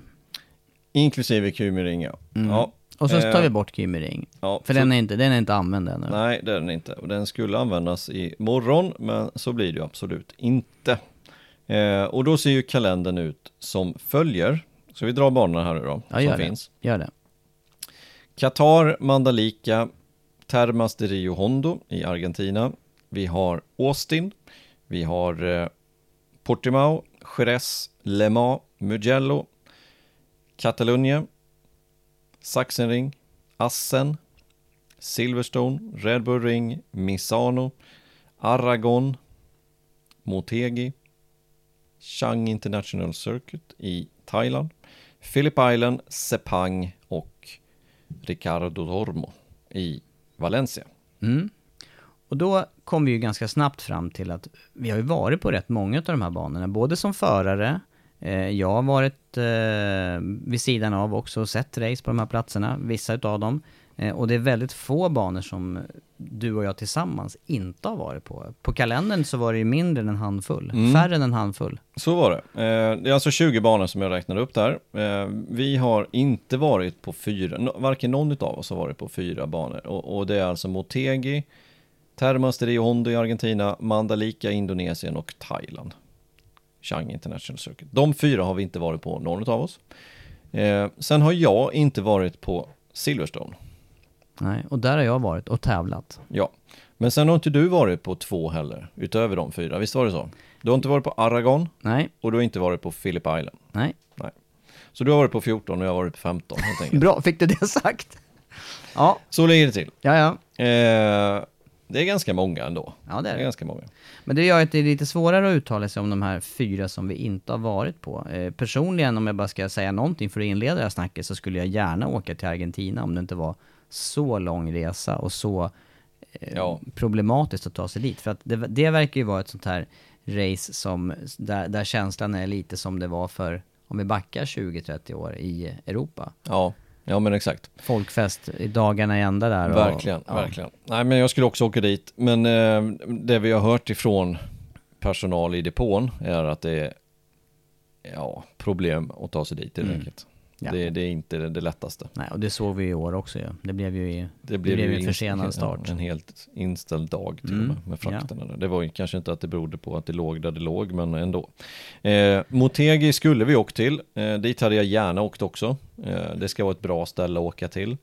Eh, allting hade vi planerat här. Var ute i god tid med hotell. Mm. Det är väl det man kan säga dit. Men det finns ett Honda-museum som jag gärna hade besökt som, som ligger där. Honda äger väl banan också. Ja. Eh, och sen har vi Mandalika, det gjorde ju premiär eh, i år. Dit skulle jag också gärna vilja åka, för det är ju, kan man ju verkligen kombinera med semester. Ligger Mm. precis jämte Bali. eh, Men däremot så, så kan man ju vänta något år till det. Det var ju på gränsen att det här racet Mm. gick att genomföra redan den här säsongen. ja, tillfartsvägarna var ju grus och lera. Ja. Eh, och sen har vi Thailand och eh, där känner vi ju folk som har varit och var jättenöjda Ja. med själva anläggningen och eh, stället. Men sen vet man ju inte, det, det svåra nu, det är ju också att veta vad, vem är det som frågar, vad har man för budget, vad har man för övriga Ja. förväntningar på en racehelg. Där finns det ju hur mycket som helst att väga in. Så vi får ju, vi får ju lov att skapa oss en egen liten lista på det här Ja. tycker jag, för att, för att kunna sortera i det här, eller hur? Ja men exakt, alltså jag skulle säga alla de andra banorna är ju Alltså det är ju inget fel att åka till någon av dem Sen finns det de som man kanske åker till hellre Och de som man åker till mindre Så, nej, så man kan ju säga så här, har man, har man aldrig sett ett, ett MotoGP-race live, då ska man ju definitivt åka på det man har tid, ekonomisk möjlighet till, Ja. och då kommer du få en upplevelse oavsett var du är någonstans. Du kommer ju få en betydligt större förståelse för hur fort det går det här, på riktigt. mm, Det går det. på riktigt fort. Men eh, vi har ju valt ut tre banor var Och sen har vi några bubblare till slut Mm. Och vi tog eh, varsin li- liten take på det hela Skulle Vi du- har, ja, vi har ju lite olika ingång här. Eh, ja, Jag får väl stå för den här, eh, ja, vad, vad ska jag säga? Racingupplevelsen Racingupplevelsen ja. Ja. Jag var ju, jag var ju riktigt eh, fan. Jag kunde ju ägna hela fredagen åt att gå och leta vinklar och vart man skulle stå för att få den bästa fartupplevelsen och bästa ljudet och se störst del av banan. Det här gjorde jag ju redan som tioåring på Anderstorp. Det var ju helt, helt fanatiskt skulle jag säga. På gränsen till, ja, för Något mycket. annat. Ja, på gränsen till något annat. Jag vill inte, jag tar inte min egen mun här. Jag Nej, tar inte ta ordet, dem nu då. Ta Jag dem tar, nu. jag tar vilket, från eh, tredje. vilket är den bästa, eller ta trean först förresten. Ja, trean tycker Mm. jag känns bäst att börja Yes. på. Och då, då blir det en, eh, en, en nykom, hyfsad nykomling på kalendern. Eh, Red Bull Ring tar jag då. Eh, Mm. Och eh, då är den med, dels för att det, det den har eh, en del utav den här ursprungliga sträckningen. Det hette ju innan hette det A1 Ring. Och dessförinnan så hette det, nu tappar jag det bara. för det. Österreichring. Österreichring, så heter det. Stämmer. Och det är ju en sån här klassisk, dels en högfartsbana så det går fort. Eh, sen är det, sen har man den här eh, inramningen med, med Alperna i fonden och ma, som publik så finns det flera läktarplatser där du kan se en stor del utav varvet utan att behöva ta skärmar till hjälp. Och sen så är det ordning. Det är Ja. ordning och snyggt och det finns eh, många bra ställen både nära men också städer i hyfsad närhet som du kan bo på Mm, under mm. helgen där. Så att ja, den, den, den kommer som trea för mig. Mm. Nej, men jag, jag, jag tycker den är jättebra. Eh, vi ska ju faktiskt dit om, om en månad ungefär. Då är det dags för Red Bull Ring och jag ser fram emot det. Det är en jättefin eh, anläggning. Eh, när vi ska jobba där så är det jätte, det är ganska lättjobbat helt enkelt. Mediacentret är bra. Kommentatorshyttarna är väl eh, hyfsat bra. Man ser hyfsat bra där. Det ska bli spännande att se hur bansträckningen blir i år eh, med tanke på den här chikanen som de kommer lägga in mellan kurva 1 och 2. Se vad det kommer göra för någonting. Visst är det Formel 1 där denna helgen så vi kommer kanske till och med få se en glimt om hur den nya bansträckningen kommer bli. Även fast inte F1 kommer köra den så kan vi ändå få se den. Eh, resa dit då, då gör man ju så att man eh, flyger till Wien kan man göra. Man kan flyga också till Graz. Eh, flyga till Wien med Austrian är ganska billigt. Från Stockholm åtminstone. 2000 kronor kanske, något sånt där.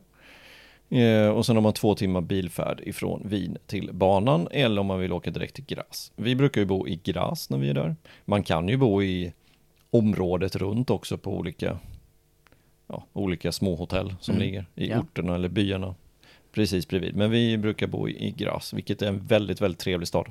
Och man kan kombinera, man kan ju campa, finns ju bra campingmöjligheter. Men det går ju att åka motorcykel och kombinera med semester i Alperna. Eh, Det går ju även att eh, ihop med flygresa här ha massa sidoaktiviteter som, eh, som finns kring banområdet. Allt ifrån cykling till offroadkörning till fyrhjulsdrivna bilar till, eh, ja det finns allt beroende Det finns på jättemycket plånbok. att göra. Ja, Mm, det det. så att, eh, ja, många plus där, tänker jag. Ja, ja. Eh, trafiken är inte så extrem. Eh, de gångerna vi har varit där så har det, ja, vi kommit ut från banan i hyfsad tid efter, efter målgång. Eh, bra ställe, ordning och reda. Vi som sagt brukar bo i Graz och är väldigt nöjda med det. Mm. Ja, nej, trea för mig. Ja, Red Bull Ring 3, tvåa då. Eh, ska jag dra hela min lista Ja, här? gör det, gör det, ja, ja, gör det. men då fortsätter jag med de här, eh, då, då är det kanske den- den mest klassiska banan av alla och den som har varit med längst på kalendern och den som eh, avslutade innan sommaruppehållet här, det är Assen alltså. Eh, och eh, det säger jag, eh, trots att jag inte varit där som publik på några år, så, så har den ju många fördelar. Den har Eh, Eh, det är ofta bra racing, det är mycket omkörningsmöjligheter. Det finns en hel del gräsvallar som jag hoppas och tror fortfarande är lite fria att röra sig på under inledningen på helgen i alla fall. Sen får man nog hitta sin plätt att sitta på och eh, kolla på racet. Men eh, sen hur man än vänder och vrider på det, den här nya delen, det har ju blivit som en liten stadionsektion där. Eh, så att eh, gillar man att sitta på en läktare och se en hel del eh, körningen så är det ett schysst ställe att sitta på om man vill se dem länge live.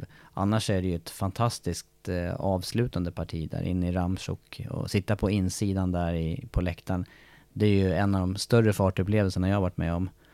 Så att eh, det, ja och sen så, mm, där kan man ju verkligen eh, ha det här klassiska biker, camping, eh, partyhelgen då och eh, slippa ta bilen därifrån också. Utan man, Mm. kan ju, man kan ju gå till och från banan och även promenera in till stadskärnan. Så att, ja, bra. Nära, nära till, eh, för den som bor i Skåne är det ju supernära. Mm.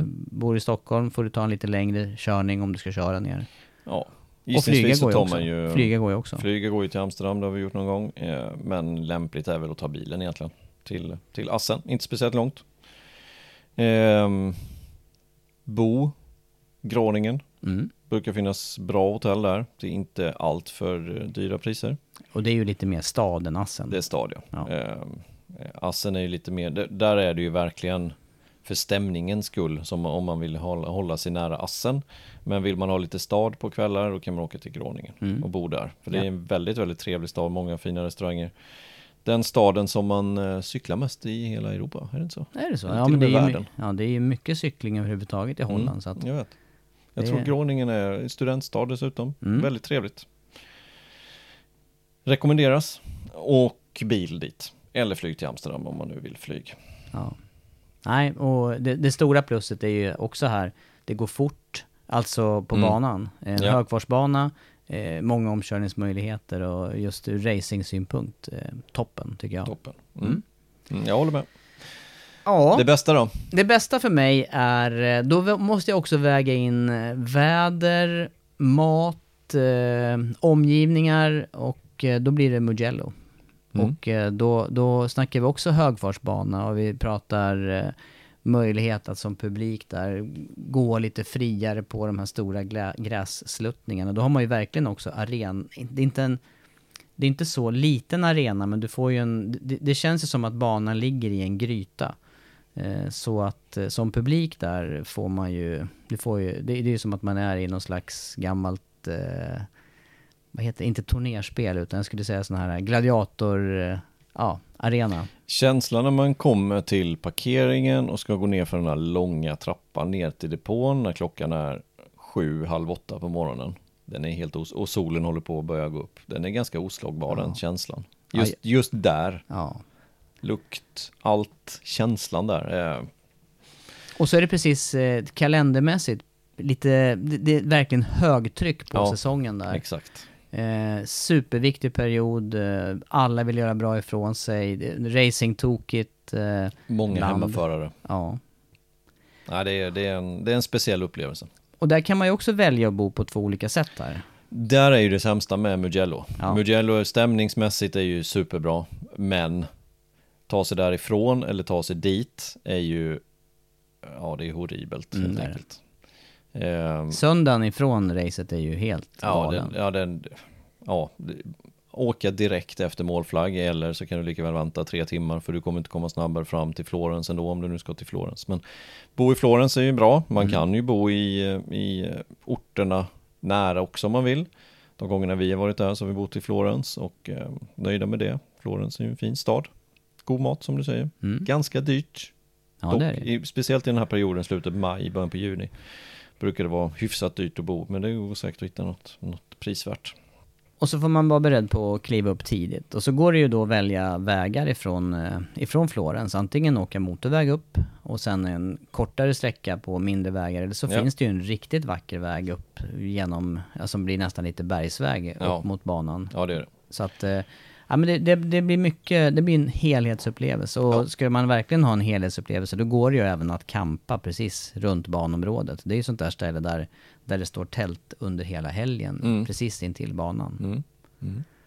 Ja, den, den eh, kommer den högst upp. Flyga den till, högst upp. eh, ja högst upp, men jag håller med, den är ju superbra. Eh, Flyga till Florens är det bästa. Kan ju också flyga till Bologna. Oftast lite billigare till Bologna. Kanske ett stopp på vägen, eh, kan finnas direktflyg från Köpenhamn om man utgår ifrån eh, södra delarna av Sverige. Mm. Åker man eh, bil eller motorcykel så har man ju en mängder av bergsvägar att välja på också. Ja. Åtminstone när man kommer ner mot Alperna och sen vidare till Appenninerna. Mm. Ja. Mm. Ja, jag det är tycker det var tre bra. Red Bull Ring, Assen och Mugello. Mm, det, är, det är svårt att toppa det. Väldigt svårt att toppa det. Man får en annan take på det. Det, Ja. är, det, det, det är väl det du kom fram till att du hade? Jag har en annan take och jag har kanske det här taken med att man ska få med sig sin partner också. Som kanske inte är lika intresserad av motorcyklar och MotoGP. Utan man kanske vill göra någonting annat också. Ehm, för som sagt, stämning på de, åtminstone de två som du hade högst upp där, dit åker man ju mer för att kolla på racing. Eh, jag tänker kanske också Sachsenring, det finns inte så mycket att göra där. Eh, Bruno förr i tiden, nu kör de inte där, men, men eh, det, det har mer racing-synpunkt. Jag, jag tog det andra taket där då, att man ska åka dit, kanske hela familjen, och ha en bra vistelse samtidigt som man kan titta på lite racing. Eh, och då börjar jag med Misano. Misano är, jag skulle säga nästan som Mugello. Men du har en lång, lång, lång, lång sandstrand också. Och mängder av hotell. Och god mat. Eh, Det blir som semester samtidigt. Samtidigt som det finns massa saker att göra om man är racingtokig också. Man måste ju till Tavulja till exempel. Man måste till och, och se ranchen från, från vägen om man vill se Rossis ranch. Eh, måste gå på Rossis restaurang uppe i, i Tavulja och käka någon pizza där som heter, vad vad är de döpta efter? De döpta efter eh, Ja, banor eh, eller? Var Ja, det? det finns, och sen är det väl lite olika förare med. Man kan Ja, käka glass som, är, som har... Just det, eh, glassarna var ju förarna. Ja, var Ja, jag tror att det ja. var så. ja, men det är ju ett standardbesök där. Mm. Eh, och då kan man ju välja de här orterna som, den största orten är ju Rimini. Sen kommer man till Riccione. Eh, efter det så kommer man till Misano och sen kommer man till Cattolica. Och vi brukar ju alltid bo i Cattolica. Den tycker vi är mysigast utav de här fyra. Eh, Rimini är ganska turistigt så. Eh, Och sen nära upp till banan. Där är ju faktiskt, Exakt. där är ju faktiskt cykelavstånd upp till banan. det är cykelavstånd. Se till att ha ett hotell som också har eh, lånecyklar för då kan man cykla dit. Eh, vi brukar ju hyra skotrar. Eh, på något sätt ha kanske tåg eller något liknande till Rimini, Riccione, Cattolica och sen så hyr man en skoter istället så åker man runt på den. Då kan man åka till kan man åka upp till Tavullia med skotrarna, man kan åka till banan och, och sådär. Så det- är lämpligt tips när man är där. Jag har ju vänner som har varit på plats eh, som gillar att gå. Och de har ju faktiskt gått mellan de här orterna också. Så Ja. det är fullt möjligt. Men då får, man, då får man gilla att gå. Där du, ju- du vet vem jag menar. Där är ju trafiken väldigt, väldigt um, tjock ifrån Ja. banan. Ja, det är den. Jag gick en gång ifrån eh, banan till, eh, ja, vi skulle till Rimini helt enkelt. Det är ganska långt, någon mil eller så. Och vi gick ju snabbare än vad bilen åkte. Så när vi kom till flygplatsen som ligger en bit bort efter ett par timmar, då hade vi gått snabbare än trafiken. Så att den är tjock, Mm. den är tjock. Sikta på att åka hem på måndagen. Men du, det här är också ett bra val för att förlänga sommarsäsongen om man nu är från Sverige. Eh, man kommer till eh, Misano då i september, får en sommarhelg, som du säger där, med, med sol och bad och man kan verkligen kombinera, gå och kolla lite på banan under Ja. förmiddagen, göra något annat på eftermiddagen, eller vice versa. Ja, ja men det, det är ett bra ställe och Mm. bra på. Ja, bra Flyg val. till, eh, till Bologna är väl eh, enklaste och smidigaste. Eh, Rimini har en flygplats men mer för privatflyg. Vi har flugit till både Ancona och till Bologna. Ancona, hittar man flyg dit till Ancona så är det närmre till det här området. Sen får man ju inte missa San Marino heller, Nej. givetvis. Nej.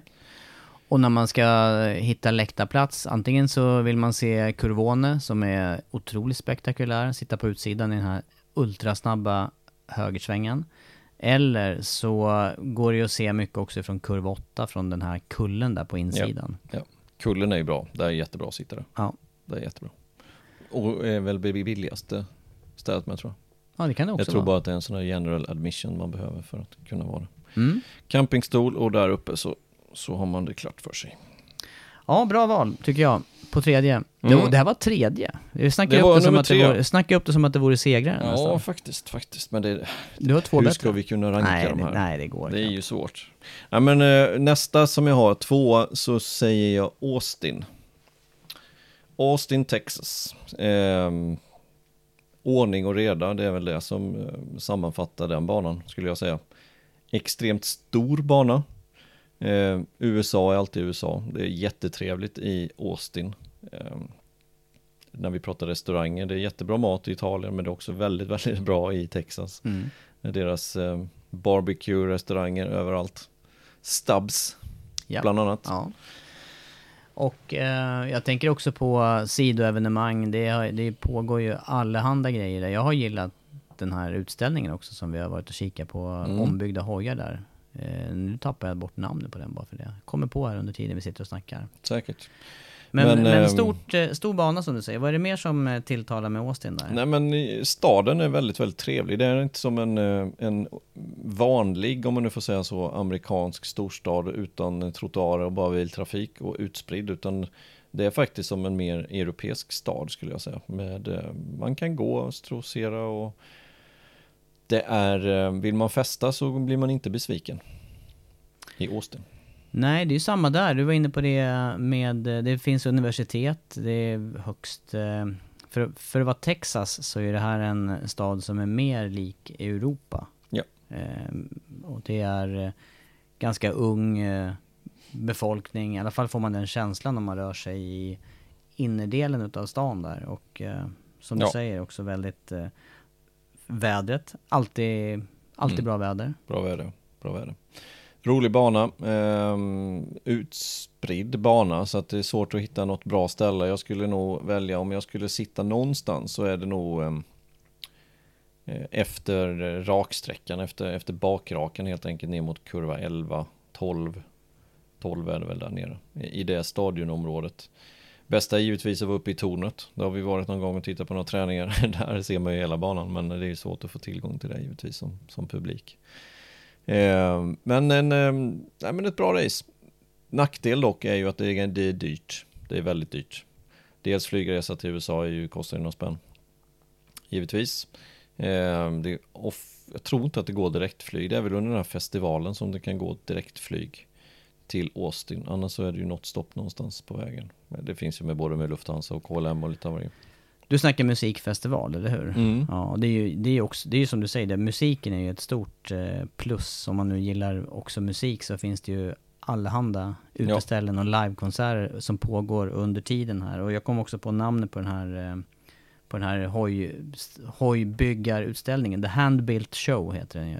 Nere i fabriksområdet. Och där kör man ju även lite Helt otroliga skojrace. Ja, det är Helt otroliga otroliga hojar. Ja, det är det. Och det, och det, hade man sett en sån utställd i en depå så hade man blivit wow.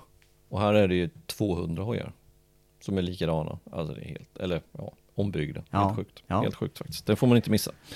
Nej, eh, men jag- som sagt, dyrt hotell. Eh, väldigt dyrt om man ska bo i, i eh, stadskärnan på Austin. Och dyrt hotell. Så att det är ett dyrt ställe att åka till men eh, man blir inte missnöjd när man har varit där. Nej. Och sen... Och det finns olika saker att göra. Man behöver inte bara se på racing utan man kan göra massa andra saker. Mm.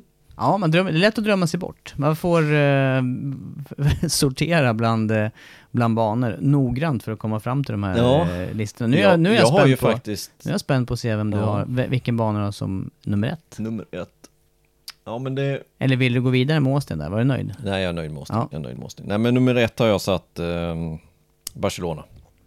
Det har vi också precis varit. Men, men eh, det är en, eh, dels är det inte überdyrt att ta sig dit. Det finns ofta direktflyg både från Stockholm och Köpenhamn. Eh, hotell finns ju alla möjliga prisklasser vad man vill ha. Det är bra väder i början på juni när det här racet går. Man får ju en stadskänsla. Man, man, när man är inne i Barcelona så märker man ju inte att det pågår ett MotoGP-race en halvtimme därifrån, på gott och ont. Eh, men men eh, jag tycker om den känslan att när man är på banan så är det full fo- fokus där, aktivitet och folk och sen så åker man därifrån och så är det något annat. Mm, ja, den gillar jag också, mycket. Och Barcelona av allt det har erbjuda, det, det behöver vi kanske inte gå in på men det, det finns ju hur mycket som helst att göra där givetvis med strand och allt möjligt. Eh, enkelt att ta sig till banan. Ingen trafik, eller trafik är det ju men inte överdriven utan går oftast bra både dit och hem efter racet. Eh, man ser ganska mycket av banan. Skulle man välja någonstans att sitta här så är det i slutet på varvet. Kurva 13, 12 någonstans däremellan skulle jag sitta. Då ser man också inbromsningen efter bakrakan in i kurva 10 och så hela vägen ner till sista kurvan och sen försvinner man då bakom kullen som är där. Eh, Men det är bästa stället att, Mm. att sitta på skulle jag säga. Ja, jag säger inte emot. Det låter, låter ju som en... Grymma en grym restauranger Ja, nere vid stranden. ja. Ehm, ehm, ja, plus att man kan som sagt göra massa olika saker. Det behöver inte bara vara racing utan det finns, ehm, det finns saker som passar alla i Barcelona. ja, Och enkelt att ta sig till. bra val. Mm. Det går även bussar från, alltså transfer från Barcelona city till banan. Om man vill göra det. Det går tåg ut. Då får man gå kanske en halvtimme för att komma till, till banan. Misano, Austin och eh, i toppen av din lista alltså Barcelona och eh, jag hade ju kunnat ta din, din lista rakt av också. Jag kan ju Det- ta din också. Så. Men som, som du säger, fokuset eh, och eh, med annat där så, ja, det var bra. Bra lista. Mm. Men du, vi har några bubblor också på det här. Ja, vi har det. Eh, de, vi måste ta ett par banor som, eh, som ligger långt iväg tycker jag. Och sen den kanske största bubblan av alla. Jag, jag tror att många suttit och väntat på Valencia. Den, den måste vi ju nämna på något vis i det här. Vi tar den båda två då. Ja. Den är ju också bra. Det är hyfsat lätt att ta sig till. Bästa brukar vara att flyga till Alicante. Det brukar vara billigast flyg, ta sig dit. Men, men själva banan är ju perfekt som publik. För att du ser hela banan. Var du än sitter i princip så ser du hela banan. I och med att det är som en stadion med läktare hela vägen runt omkring. Det som brukar vara tråkigt med Valencia är att när man kommer dit så är alla helt utslitna efter den här Asien-turnén. Mästerskapet är redan avgjort, alla tittar redan på nästa säsong. Ingen är i nuet egentligen när man kommer dit, känns det som.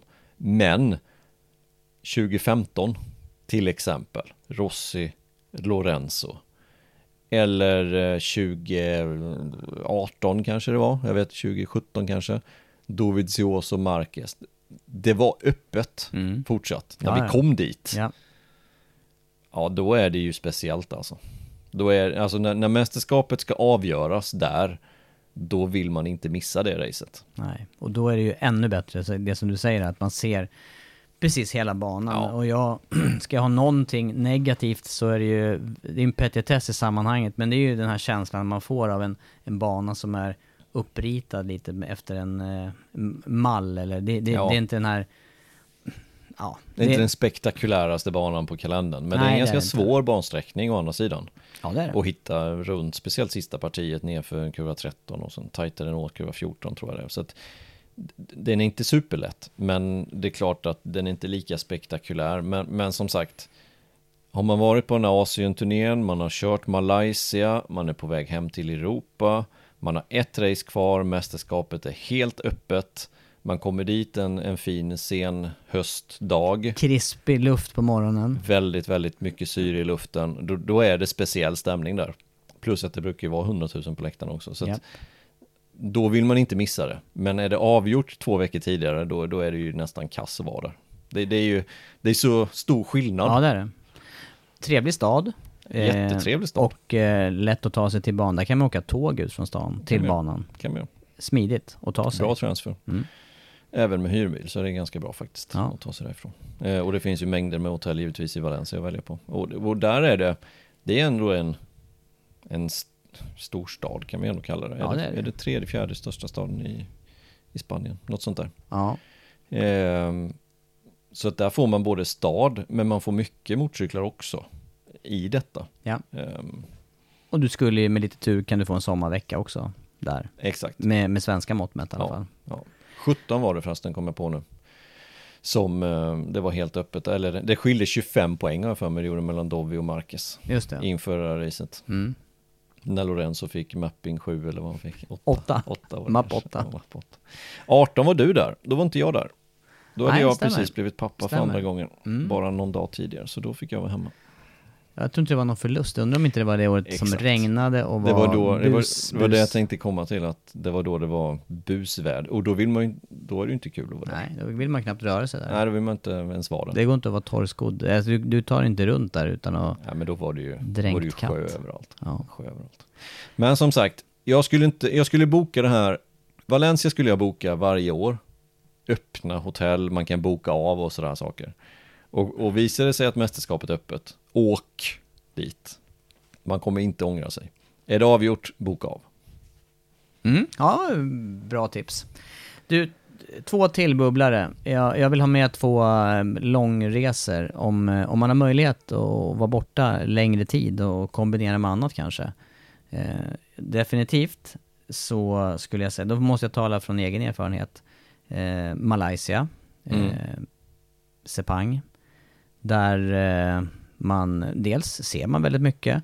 Det finns, eh, ja, det blir ju lite som eh, Mandalika där, att man kan varva med sol och badsemester faktiskt. Och, Mm. ja, Inte så mycket bad kanske, just där. nej, inte Men man kan ta där. sig därifrån med enkelt flyg Ja. till något annat ställe i Sydostasien. Eh, Och, eh, men fullstor bana, det, det går fort på många ställen. Det finns eh, partier med långa sladdar och det är en, det är en mäktig anläggning helt Mm. enkelt. Sen är det väl, det är långt att åka men det är... Men det är ganska Ja, lätt att ta sig ändå till Kuala Lumpur. Ett stopp bara, brukar krävas bara för att ta sig dit. Och det finns ju hotell så att det blir, räcker att bli över. Och det finns ju lyxhotell för ganska bra pengar Mm, just där. ja. Så man kan bo bra eh, och sen så kan man ta, tog inte vi någon sån här typ Uber, taxi Jo det var det. till banan och det Stämmer. var inte överdrivet dyrt. Nej, nej, Så det stämmer. det var ju en halvtimme något sånt där ifrån, som Sepang ligger. Det ligger Mm. vid, internationella flygplatsen, precis vid flygplatsen. Kanske ett flygplatshotell då? Kan man ta om man vill. Nej. Nej, det är tråkigt. Nej, Men det är eh, tråkigt. Kuala Lumpur var, jag tycker det var väldigt trevligt faktiskt. Ja, det var det. Får vara en, en stor stad. Ja, absolut. Absolut. Ja. Och banmässigt mäktigt. Men, eh, men sen har jag en bubblare som jag inte har varit på och som du har varit på. Det är, mm, där, den ligger ju kvar. Dit vill man. Dit vill man ja. Mm, jag har inte varit där på MotoGP tyvärr. Jag har varit där på Super eh, på Phillip Island, i Australien, utanför Melbourne. Och dit vill jag gärna tillbaka, för det var ett riktigt, riktigt fint område. Är vädret med där, då är det ju guld är det. Ehm, den gången jag var där, då hyrde vi ett hus där på just Phillip Island. Hyfsat billigt faktiskt, just då. Men under GP så lär det ju vara väldigt, väldigt dyrt. Ehm, men ehm, nej, det rekommenderas om man vill åka lite längre och till Australien. Då kan man ju kombinera det med en, Melbourne-semester. Om man vill. Ja, det den ligger högt upp på listan och, där kommer ju min tanke in med det här också med klassiska banor på något vis. Den har, den har alla ingredienser för en eh, bra racingbana. Det brukar vara otroligt jämna och täta race och några Mm. sådana här otroligt minnesvärda race som har, som har gått där Alltid också. där, ja. Ja. Sen är det, den, den här racet har alltid gått, åtminstone de senaste 20 åren eller något liknande, i oktober. Och då är det ju, ehm, då är det ju tidig, tidig vår. Där. Lite fel säsong. Det är lite egentligen. fel säsong. Mm. Ehm, och det har varit kallt och det, det kan ju ha varit sju grader och ösregn. Och det är lite synd. Eh, Superbike-VM går ju, brukar, har ju gått generellt sett i, i slutet på februari. Det har varit mycket, mycket bättre väder. Och det var ju superbra väder när vi var där i just slutet på februari. Och det ska bli kul att se vad som händer med nästa års kalender. För där går ju rykten om att Philip Island kanske till och med blir säsongsöppnaren nästa år. I och med att Qatar kommer inte bli det. För den ska de bygga om. Och den håller de redan på nu och bygger om. Den kommer inte vara klar till mars nästa år utan den kommer ligga någonstans ju i slutet på nästa års säsong. Det kommer ju någon pressrelease här om någon, för någon månad sedan. Och då är frågan, vilken, eh, vilken bana kommer inleda? Skulle inte förvåna mig om det blir antingen Phillip Island eller Mandalika. Och vilken, eh, vill man på semester samtidigt som två GPn, varför inte Indonesien och sen Phillip Island? Fantastiskt upplägg. Där. Mm, där, Mm. där, nu kom du på Vi får se. Mm. Vad det blir, men det ska bli intressant att se var eh, premiären blir någonstans. Du Andreas, vad, är, vad, står, eh, 1.30. vad står räknaren på? Nu måste vi nästan avrunda det här, känns det som. Det gör vi. Hoppas ni har fått med er eh, några tips. Annars kommer vi in i augusti. Ja, exakt. Det vill jag gärna, för jag vill gärna att det ska bli racedags i Silverstone. Ja. Men eh, hoppas ni har fått några tips. Det var nio banor vi tog här, det finns ju som sagt elva till. ja.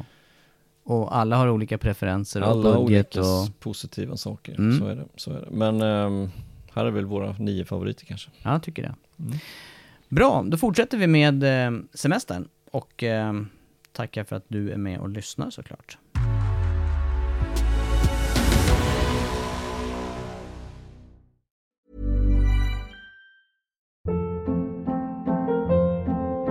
Hold up. What was that? Boring. No flavor. That was as bad as those leftovers you ate all week. Kiki Palmer here, and it's time to say hello to something fresh and guilt-free. Hello Fresh. Jazz up dinner with pecan-crusted chicken or garlic butter shrimp scampi. Now that's music to my mouth. Hello Fresh. Let's get this dinner party started. Discover all the delicious possibilities at hellofresh.com.